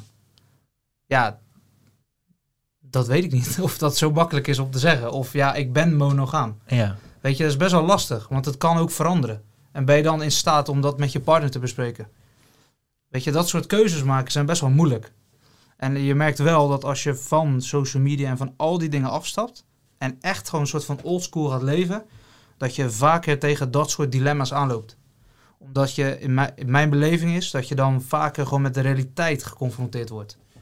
Hebt- bedoel, bedoel je dan dat je, omdat je gewoon beter in stilte kunt nadenken, dat je dan, Je wordt minder beïnvloed. ja, dat je het beter gaat snappen hoe je bent? Ja, dat denk ik wel. Hoe cliché het ook klinkt. Want Nou, het, het cliché is dat je online coaching krijgt op via Instagram wie je bent. Maar ik dat ik Ja, vind- of, en ook sterker nog, stel je ziet 15 mensen die een eh, perfecte relatie hebben en al 10 jaar samen zijn. Dat maakt het al moeilijker om bijvoorbeeld eh, de keuze te maken om van je partner af te gaan. Of om dat gesprek te voeren van, hé, hey, ik wil eigenlijk geen monogaam zijn. Of niet aan monogamie doen. Weet je, omdat je een wereld ziet waarin dat de norm is. En Ja. het is ook andersom. Hè? Als ik 15 mensen volg die eh, polygamie ondersteunen, dan is het voor mij al moeilijker om monogaam te zijn. Ja, oké. Dus je hebt meer variabelen waarin je beïnvloed wordt op Ja. social media. En het probleem is, er is geen grens aan, ehm, aan wie je bent. Ik kan mezelf gewoon wijsmaken als ik wil dat ik ook iemand ben die monogaam is of juist niet. Mhm. Eh, die eh, in stilte wil leven of juist niet. Er is niemand die mij confronteert met dat is niet zo. Dus ik kan tot in het einde der tijden mezelf dingen wijsmaken. Ja, en er is niemand die zegt eh, dat het niet zo is. Terwijl in het echt, als je dan inderdaad voor bepaalde situaties komt met zo'n verjaardag, met je hebt ineens eh, lust voor andere vrouwen of je bepaalde vrienden die je al eh, 15 jaar kent, dat, dat voelt ineens raar Ja. je hebt gewoon ineens moet je echt bij dingen nadenken van hé, hey, fuck, dit voelde wel echt kut. En ik weet eigenlijk niet waarom het zo kut voelt of wat ik ervan vind. Mhm. Je kan niet terugvallen op, oh ja, dat is de norm. Hey, je, je, bent, het is, je leeft alleen jouw leven. Ja. Er is geen norm meer. Je hebt geen houvast. Ja, maar, ja, maar dat is... Die moet je opnieuw creëren voor jezelf. Ja, maar hoe doe je dat dan? Doe je dat alleen maar door de hele tijd na te denken? Nee, nee, door te praktiseren wel, denk ik. Tenminste, hoe ik het doe is... Ja, ik heb, wat ik wel heel chill vind met die coach is... dat ik gewoon eh, heel erg dogmatisch kan praten... en dat zij daar hele kritische vragen over stelt. Dus Ja, als ik zeg van ja, maar ik ben echt mono- monogaam... en dan kan zij vragen, waar blijkt dat uit? Ja. Van waarom dan? Hoe weet je dat? Heb, ben je wel eens heb je wel eens een polygamische relatie gehad? Ja, fuck, nee. Ja, maar hoe weet je dan dat je monogaam bent? Ja. Weet je, gewoon dat soort situaties creëren waarin je constant echt heel erg eh, onder druk gezet wordt. Dus bijvoorbeeld ook dan, eh, laatst ook in het, in het laatste coachgesprek had ik net een eh, discussie met mijn vriendin. En dan zeg ik van ja, weet je, ze snapt het gewoon niet. En dan kan zij vragen, ja, maar waarom, waar blijkt het uit dat jij haar wel snapt dan? Weet je, gewoon dat soort situaties creëren Ja. die constant een soort doorbreking van je realiteit zijn. Dat is heel eng, dat is ook kut. En ik heb het idee dat dat heel goed voor je is. Omdat je dan constant niet zozeer aan het nadenken bent over wat kan zijn of wat je zou willen zijn. Maar wat is? Ja, maar wat is? Wat Ja. gebeurt er nou echt voor me? Die spiegel heb je denk ik constant nodig.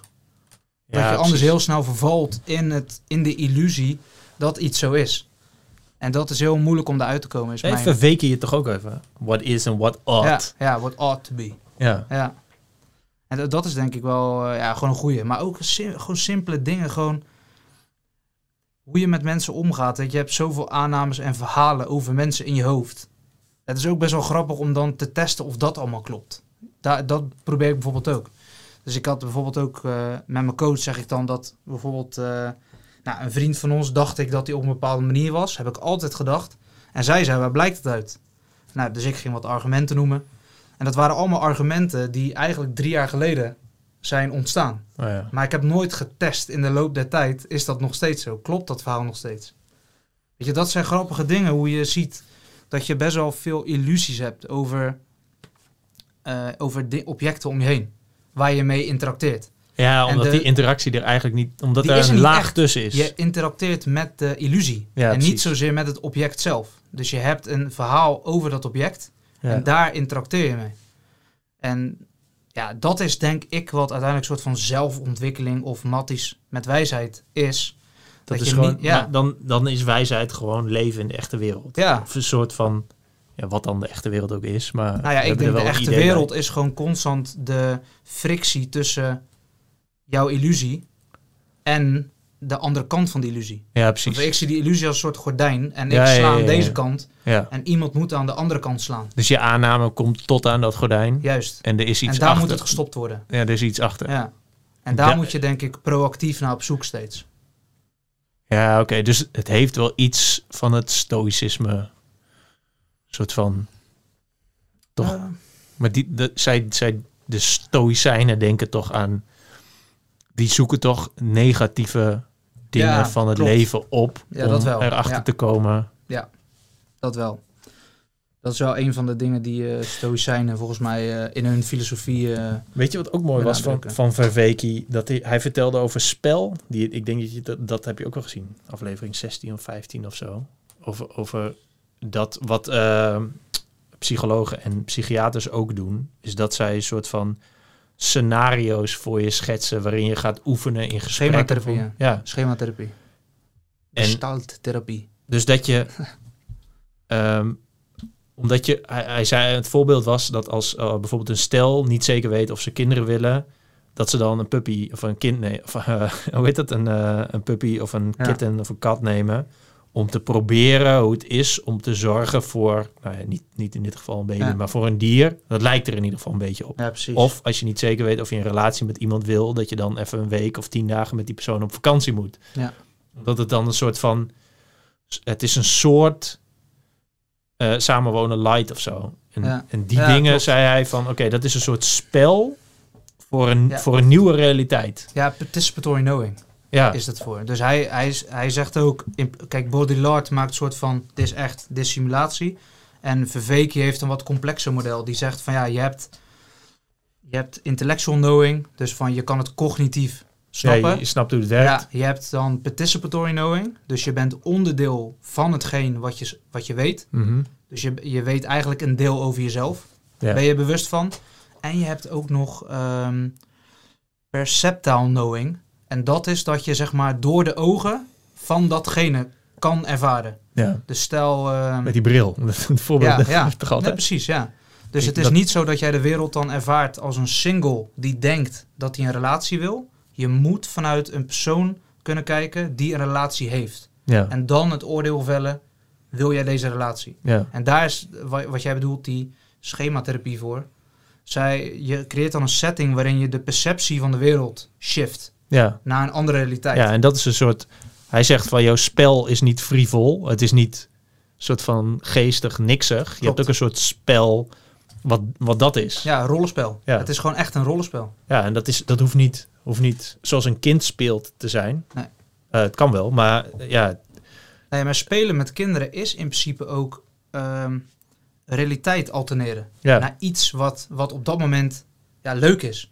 Een kind kan een stok pakken en het is een zwaard. ja, Maar het is niet een stok waar hij mee slaat. Het is echt een zwaard. ja, ja. Als je ook naar kinderen kijkt, hoe ze het gebruiken, wat, wat er gebeurt. ja het is, het is een, een kleed over een stoel, is echt een hut, zeg maar. Het is Juist, echt een, ja. een plek waar Ja. ze... Ja, En dat heet in de wetenschap, volgens mij noemen ze dat eh, duale representatie. Dat zegt de Verveke ook nog. Dat je de mogelijkheid hebt om naar hetzelfde object te kijken, maar je perceptie, je verhaal over dat object bepaalt de betekenis ervan. ja hij, zegt, hij zegt Dat is wel dat, tof. Oh ja, maar daar kunnen we het ook nog wel even over hebben. Dat, want dat is sowieso wat er nu heel veel aan de hand is. Dat mensen niet meer het verschil zien tussen het, het ding en de betekenis Juist, van ja. het ding. Ja. Dat wordt heel erg door elkaar gehaald. En dat is ook voor iedereen anders natuurlijk. Ja. Wat iets betekent Precies, ja. en wat, dat, dat is heel belangrijk. wat iets is. Maar dat, het is ook gek, want bijvoorbeeld op social als Stel, jij zou in het echt tegen mij ranten, heel dogmatisch en alsof je de waarheid in pacht hebt. Ik, het komt dan niet in mij op om te zeggen van, hé, hey, doe eens even niet zo dogmatisch. Je luistert en dan, weet ik veel, kan je de vraag over stellen of je countert het. Ja. En daarmee leer jij iets beter wat de waarheid is. Maar als je dat op, online doet, dan vindt iedereen je een klootzak. Want waarom denk jij dat je de waarheid hebt? Ja. Dus je wordt, er is een soort van, je kan wel naar de waarheid op zoek willen ook. Maar niemand die brengt jou tot het punt dat jij geconfronteerd wordt tot hier en niet verder. Nee, precies. Want je bent nou gewoon een klootzak, dus krijgt tyfus. Ja, Dus iedereen houdt zich ook heel erg in. Terwijl in het echt heb je de mogelijkheid om gewoon met twee benen ergens in te gaan. En dan ineens geremd te worden. ja, Van, oh fuck, de- het is helemaal verkeerd wat ik dacht. Het is, het is helemaal niet zo. ja. Dus je bent constant aan het leren eigenlijk. En dat is dat proces wat Verveke ook zo mooi omschrijft van die schematherapie. Het is input en de output die eruit komt, daar zit zeg maar de vorige input in verwerkt. Dus je hebt zo'n soort van zelflerend mechanisme, ja. eh, net als AI gewoon, wat je constant aan het verbeteren bent. Ja, hij heeft dat model toch, ik weet niet welke aflevering het is, dat die, dat die ene kant zo opgaat Juist, en weer, ja, en weer terug. ja. Dat zo schuin op dat Ja. bord staat. Ja, en dat, hij, dat is ook met sport, zegt hij, met bergbeklimmen. Je hebt constant interactie met de werkelijkheid. Ja, dus dat is dat agent. Agent Arena. Arena, ja. En die relatie is heel direct. Dus Ja. er zit niks meer tussen wat de, een verhaal kan schetsen, wat een karikatuur is van, het, van de echte wereld. Nee, Dus precies. dat is wel tof. Dat, dat vind ik ook mooi hoe hij vechtsport bijvoorbeeld beschrijft. Daar heb ik nooit over nagedacht. Ik ook niet. Dat vond ik ook fucking vond mooi. fucking tof dat hij zei van ja, het is niet zozeer over hoe sterk je bent, maar het, het, het geeft je de mogelijkheid om constant te leren hoe, hoe sterk je bent, zodat Ja. je dat kan verbeteren. Want dat Ja. is de enige manier om te verbeteren. Ja, het is dus die, het is die constante Ja, feedback. die zeg feedback, maar. ja. En ik denk, omdat we het net hadden over, toen je vroeg van ja, hoe denk jij dat het dan moet? Ja, ik denk zo. Dat je constant op zoek gaat naar, eh, naar situaties waarin jij eigenlijk met je neus op de feiten gedrukt wordt. Fysiek, eh, emotioneel, intellectueel. Gewoon dat. Ik denk dat dat heel waardevol is. Maar dat het ook heel eng is tegelijkertijd. Eh, ja, omdat je ook niet weet wat de, wat de uitkomst gaat Nee, zijn. ja. Kan, kan positief en negatief zijn, ja, zeg precies, ja. maar. Ja. Ja, dat is ook maar volgens mij of in 17 of in 18 Verveki ze, eh, legt hij ook uit hoe intellectualiteit, of hoe zeg je dat? Int- eh, Intellect gewoon. Ja. ja, intellect creëert eigenlijk ook een soort virtuele ruimte. Ja. Dus zolang je maar gewoon lang genoeg nadenkt, maar het nooit stress test met iemand anders, buiten je intellectuele ruimte, Ja. lijkt je steeds slimmer te worden. Maar dat is gebaseerd op de vorige gedachte die ook dacht dat je slimmer werd. dus dat is ook oneindig word je slimmer. Ja. Terwijl als je in gesprek gaat en iemand stelt je vragen en doorbreekt, boort een gat in die intellectuele ruimte van je, ja, dan zie je dat de lucht eruit loopt, zeg maar. En dan, ja, maar dat is dus weer wat je net zei. Dat, gordijn, die aanname, ja. zeg maar. Je komt de hele tijd, dat gordijn, dat gordijn kun je wel steeds verder. Ja, je lijkt het op te zoeken, maar dat gordijn gaat naar achteren. Dat ja, is dus die, en die jou. wil erachter blijft nog steeds bestaan. Ja. Dat, Ja. hij gaat op een gegeven moment ook verder in door en dat is wel heel tof, denk ik. Da- daardoor dacht ik op een gegeven moment ook van ja, ik ging gewoon letterlijk een rijtje maken van ja, wat zijn dingen waarin ik het idee heb dat ik goed ben of ja, wat ik tof vind aan mezelf. En die ging ik gewoon een soort van langzaam, ja, met, aan de hand met die coach samen gewoon stress testen. Dus ik had het idee dat ik communicatief veel vaardiger was dan mijn vriendin. En dan ga je op een gegeven moment niet de, het gesprek aan van hé, hey, jij doet dit, jij doet dat. Maar dan ga je gewoon uitleggen wat jij hebt begrepen van de situatie. Ja. Dat is ineens heel kut. Want dan zeggen ze van ja, je hebt er helemaal niks van begrepen. Nee, gewoon en dan, denk, ja, en dan denk ik ineens van fucking hell, wat ben ik ook een lul. Want ik dacht elke keer dat ik het snapte. Ja, En op basis van die aanname ging ik de gesprek aan. ja. En ook fysiek. Weet je dan, ja, je, je denkt dat je gewoon best wel sterk bent. Dan doe je een boksles en dan heb je gewoon na een minuut een blauw oog. ja. Dat is best wel gewoon goed. Dat je elke keer geconfronteerd wordt even met, oh ja, het valt allemaal wel mee wat een baasje bent. ja. Eh, en het is ook gek, want wat het ook doet, is dat het de lat heel erg verlaagt en wat je moet zijn of zo. Je, dat gevoel van door de mand vallen, dat Ja. dat elk moment kan gebeuren, dat wordt ook veel minder. Ja, omdat het, ja, dat kan op een gegeven moment ja, minder omdat je, omdat je het beter weet. Ja, je, je bent constant aan het vallen. Ja, ja, Je omdat, ja, de- omdat, omdat de illusies wegvallen, Ja, kun je niet meer uiteindelijk door de ja ze, vallen. ze wegen niet meer op je schouders, Ja. van. Ja, dat is wel vet, ja. Ja, ik heb, ik heb heel vaak een soort van... Ik weet niet waarom ik het fijn vind, maar ik vind het dus fijn om op blote voeten op de, op de straat te lopen of op, de, op het gras en zo. Omdat ik het idee heb dat dat soort van... Iemand zei laatst, ja, dat is echt wetenschappelijk bewezen. Eh, ik weet niet wie dat zei en op welke manier wetenschappelijk bewezen. Maar dat je dan aan het aarde bent, zeg maar. Ja, dat je gewoon direct contact Grounded. hebt met de, Ja, met de wereld, ja. zeg maar. Dat vind ik altijd dat vind ik een mooie metafoor voor dingen die, die echt zijn. Dat je, die je met je handen kunt pakken of die je met je voeten kunt voelen. Zeg maar door ja, over, over het gras lopen met je, met je voeten. Dat is gewoon, Ja, Het ik, ultieme, ja. zeg maar. ja. Of op het strand of op stenen, zeg maar, klimmen. Dat is best wel een mooi metafoor inderdaad. Ja. Ehm, we Ja, moeten gaan ja. afronden, man. Ja, dus ik denk gewoon uiteindelijk bottomline en we zijn We zijn gewoon niet zo slim, hè, we zijn fucked. We zijn fucked, niet zo slim. En we zijn monkeys die waarschijnlijk vanavond nog weer de hele tijd op Instagram zitten. Waarschijnlijk wel. nee, ja, het is, ja, ik weet niet. Het blijft ook gewoon leuk om erover na te denken. Tegenwoordig is ook eh, wel een soort van de... Iedereen zit altijd maar te bashen ook over, op filosoferen en zo. Maar het, het, heeft ook gewoon wel echt nut om over dingen na te denken en om dit soort gesprekken te voeren. Ja, maar vooral, altijd. vooral ook alleen in stilte, denk ik. Kijk, ja, ik, ik, eh, iedere keer als ik naar Vaveki kijk, denk ik van, ja, ik, ik vind mezelf, ik vind mezelf wel iemand die over veel shit nadenkt. En dan kijk je deze dude, denk van, oké, misschien, misschien ben ik gewoon echt een rookie en moet ik gewoon nog veel meer mijn bek houden. Maar het is, het is echt chill om in stilte een boek te lezen boek weg te leggen, notities maken, boekje weer pakken, iets uitproberen in de, in de, in de echte wereld, zeg maar. Volgende dag weer te lezen. Gewoon de hele tijd daarmee bezig te zijn. Ja. ja wat, wat Verveek je dan eigenlijk zou zeggen, is dat je mensen moet vinden met wie je dat bespreekt. Ja. Want dat is de stresstest. Ja. Dat is de participatory knowing. Ja. Dus het gordijn Ja, het, kut is dat ik dat nu zeg maar maak videootjes en soms reageren de mensen op of mensen sturen een e- e-mail wat ik heel erg vet vind. En dat is dan zeg maar mijn stresstest. Maar ja, het is nog steeds Ja. virtuele wereld. Ja, maar je vlogs, en dat is wat ik denk ik wel daar heel waardevol aan vind en ook zelf probeer te doen, is je praat in de ik-vorm. Ja. Ehm, dus je maakt niet een onderwerp, het subject. Je spreekt niet vanuit een onderwerp, maar je spreekt vanuit jezelf. Ja. Dus dat is denk ik heel goed. Een goede vorm om content te creëren. Omdat je dan heel erg op de feiten gedrukt wordt als iemand kritiek heeft. Ja, maar wat, wat staat dat dan tegenover, bedoel je? Nou, vaak, eh, mensen maken bijvoorbeeld een post over, eh, die zeggen dan bijvoorbeeld, ja, de mens dit, de mens dat. Oh, Eh, zo die ja, manier, ja. leuk, maar jij bent ook een mens. Ja. Dus wat, wat wil je nou eigenlijk zeggen? Je- je- Je, ze beschrijven een soort van een theorie. ja. Terwijl het zou bijvoorbeeld interessant zijn als iemand zegt van, hé, ik heb dit gelezen, deze theorie, maar ja, ik ervaar dit zo. Ja. Weet je, dat is iets heel anders. ja, ja, ja. Als je vanuit je eigen ervaring spreekt, eh, dan zal je ook zien dat je nooit echt kritiek krijgt, maar meer feedback, dat gordijn aanraakt. Ja. Terwijl als jij een theorie gaat beschrijven, ja, er zijn andere mensen die hebben andere theorie. Je clasht tegen elkaar, maar je hebt nooit echt, ja, wat boeit mij, het is niet mijn theorie, ik heb alleen maar geschreven. Dus, Ja. eh, Ja. weet je dat? Ja. Terwijl jij vlogt nu en dan soms zeg je inderdaad iets waarvan je in de volgende vlog misschien al denkt van, oh ja, dat, dat klopt niet helemaal. Maar iemand heeft gereageerd en je hebt weer iets geleerd. Weet je, je hebt een soort van die iteraties steeds. Ja, ja dat, dat dat, dat is wel precies wat er gebeurt. Omdat het ook...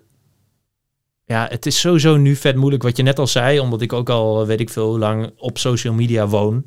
Dus dan, dat, al, die, al die bagage heb je al mee. Maar om het soort van heel rauw, rauwe gedachten, zeg maar, Ja, is te heel- posten. Dat, dat, Ja. ja. dat is het vetst. Alleen dat is, zo, dat is wel moeilijk om te doen. Echt heel Omdat, vet. omdat je wel weet, en dat is het begin van dit gesprek. Omdat je, ja, ik weet ook wel hartstikke goed wat, wat wel werkt en niet werkt. En dan kan ik wel extra heel hard mijn best doen om dingen te doen die ik echt heel graag zelf wil uiten. Maar ja, er is, er is natuurlijk zo'n stemmetje, een duiveltje die inmiddels zo groot op mijn schouders zit. Die zegt, ja, Ja. je, beter, bro, Bro. je, kunt, je kunt beter dit doen. Ja, Dan kijken er twee keer zoveel mensen naar. Die vinden dit vet. Die vinden dit vetter. het is echt heel moeilijk. Als je Las, dit zegt, eh, ja. in volgens mij een Etse Homo van eh, Nietzsche of Beyond Good and Evil zegt hij van, eh, dan spreekt hij even in de je-vorm, dus dan praat hij tegen de lezer. Dan zegt hij, jij bent waarschijnlijk iemand die door theorieën leest, door theorieën leeft. Dus in plaats van dat je ervaart een situatie, ervaar je eigenlijk iets, een deel uit een bepaalde theorie die je ooit hebt gelezen. Dus dat zorgt ervoor dat je nooit interacteert met je eigen ervaring. Dus nooit slimmer of beter of aardiger wordt, maar gewoon steeds beter een bepaalde theorie leert. ja. Wat er wel en niet aan klopt. Dus wat hij daarmee bedoelt is dat mensen meer bezig zijn met een soort een bibliotheek aan het worden. In plaats van dat ze zelf die theorieën integreren in hun bestaan. ja hun bestaan staat een soort van achter die theorie. Ja. In plaats van ervoor juist. Dat was wel interessant, want ik heb dat eerlijk gezegd ook heel lang gedaan. Dat je heel veel boeken leest, maar het nooit op jezelf betrekt. Dan heb je op een gegeven moment een mega raamwerk. Nee, je betrekt dingen- het wel in- op jezelf, maar in theorie. Ja, zeg maar. precies. Je, Ja, maakt, je, maakt een van, soort, je maakt een soort verhaal over hoe dat zou kunnen werken of hoe dat misschien werkt voor jou. Ja, Maar dan, je zit nog steeds in die, in die stoel met, Ja. met een kop thee. juist. Ja, en ik heb het ook heel lang gedaan. Alleen nu probeer ik ook als ik iets lees, alles maar heel klein, gewoon, ja, gewoon te oefenen met dat, zeg maar. Weet, je, dat vind ik gewoon, dat is denk ik heel waardevol. Maar is oefenen... Gewoon eh, iets doen. Gewoon Ja, iets ja, wat, waardoor je de mist in kan gaan. Skin in the game gewoon. Ja, ja, dat gaat heel precies. boek, een van mijn favoriete boeken, Taleb. Ja, Skin in the game. Beste boek wat ik ooit gelezen heb misschien. Maar hoe pas je toe? ja, Zeg maar, wat van waar je slimmer van denkt te worden, is skin in the game voor nodig. Bijna niks. Informatie vereist bijna geen skin in the game. nee, dat is waar. Ja, Maar kennis wel. Zeg maar echt wijsheid. ja, wij, ja. maar ja, kennis en wijsheid nog weer net... Ja, dat is iets Oké, anders. dus, dus, dus, dus matties met wijsheid is eigenlijk gewoon skin, ja, is gewoon skin in the game. Uiteindelijk wel, ja. Dat denk ik wel echt. Dat, zo probeer ik het nu te oefenen. Wijzer te worden. Dus bijvoorbeeld ook een betere vriend worden. Ja, je kan daar duizend boeken over lezen. Maar ja, ik kan wel denken dat ik door al die informatie betere vriend word. Maar ik moet dat testen. Ik moet dat vragen letterlijk. Van hé, hey, Ja. hoe zit het tussen ons? Ja. Dat is super eng. Ja. Want dan kan het dat iemand zegt van ja bro, je bent alleen maar aan het lezen. Eigenlijk hoor ik of zie ik je nooit. Alleen ja, ik bedoel, ja, we zijn al zo lang vrienden. Ik bedoel, ja, het is prima zo. Maar eigenlijk, ja, is er niks. Weet je, dus dat soort situaties. ja Dan heb je wel skin in the game nodig. Want dan ineens ben je die boy die duizend boeken heeft gelezen, maar gewoon geen goede vriend is. Ja. Maar dat kan in theorie nooit gebeuren. ja, nee, klopt. Dus daarom, daarom ben ik wel ook huiverig geworden met wat voor boeken ik lees. Omdat ik ook wel eng vind. Van ja, al die kennis kan er niks mee, weet je. Eigenlijk doe ik er niks mee. Weet je, ja. Voor mij voelt dat als soort van eng. Ja, ik, ik, ik, ja. ik snap wel wat je bedoelt, ja. Bijvoorbeeld ook relatieboeken, daar heb ik er misschien wel 800 van gelezen. En dan nog steeds heb ik hetzelfde gesprek met Mout als drie jaar geleden. ja. Dus kennelijk ben ik gewoon een monkey die al drie jaar lang dezelfde rondjes rent. ja. Dus die boeken hebben nog geen nut gehad. Maar heb je niet, heb je niet het idee dat sommige dingen wel nut hebben gehad? Alleen de dingen Ja, die je hebt is- Dat toegepast. is heel lastig, want dan moet je dus terug gaan beredeneren. Ja, oké. Dat, dat is heel lastig. Maar het kan natuurlijk ook zijn dat ik onbewust wel dingen heb getest. Nou En dat ze daardoor het, hebben het, meest, meest platte voorbeeld is natuurlijk gewoon eh, naar de gym gaan. Dat is gewoon boek lezen, uitproberen, Ja, maar dat is heel- maar dan lezen, heb je dus- resultaat. Dan heb je wel die... dat- Je doet iets. Ja. ja, klopt, ja. Dat is ook waarom ik bodybuilding altijd zo'n mooi metafoor vind ook. Dat is Ja. echt één op één, gewoon net als leven. Gewoon. Ja. Je kan gewoon niet faken dat je sterk bent. Dat is echt... Dat is best wel mind-blowing. ja. Dat is een van de weinige dingen die je gewoon niet kan faken. Nee, in de echte wereld niet. Ja, maar ja, ja, ja klopt. Ja. Ja. Dat is, dat, ik vind dat wel mooi eigenlijk. Ja. Je kan wel lezen, je kan wel praten, maar ja, ga maar benchen. Ja. Hoeveel benchen, bro? ja, Dat is gewoon... het is wel simpel, ja. En dat is het equivalent van ja, oké, matties met wijsheid, weet je. Hoe wijs ben je? Ja, dat moet blijken, Ja, vind ik altijd. ja nice. Oké, eh, we gaan ramen eten, man. Zo, lekker. Zo. Eh, Beter dan de vorige? Ja, sowieso. Eh, we- weet je nog hoe dat heette? Dan even een waarschuwing voor de Ja, luisteraars. ik weet het niet, man. We waren bij... waar waren we? Ikkie? Heet het Ikkie? Ikkie of, Jakkie? Ja. Jakkie ramen. Ikkie of Jakkie, niet naartoe gaan. Waar je zo uitkijkt op het water. Ja, dat is in Amsterdam natuurlijk al meer. Nou ja, goed. Alle drie... Het eh, Hilton Hotel is nog steeds guys diarree aan het wegschrobben. Legends, Legends C. Dat die schoonmaker een jaar later nog steeds bezig is. Ja, dat is wel echt waar. Ja. Oh, een drama. Maar we gaan nu naar Ramen Kingdom, dat is wel lekker. Eh, mensen, bedankt voor het luisteren. Kijk op ik weet het ook niet.nl naar... eh, wat kun je daar ook weer vinden? Oh ja, hoe je deze show kunt supporten. We zitten nu in een nieuw podcaststudio. Speciale. Ze hebben vandaag verteld dat die veel duurder gaat worden. Dus Make it Eh, worth. make it, eh, support, je, support je boy. Eh, thanks. Ja, we gaan zo nog wel verder praten. Oké.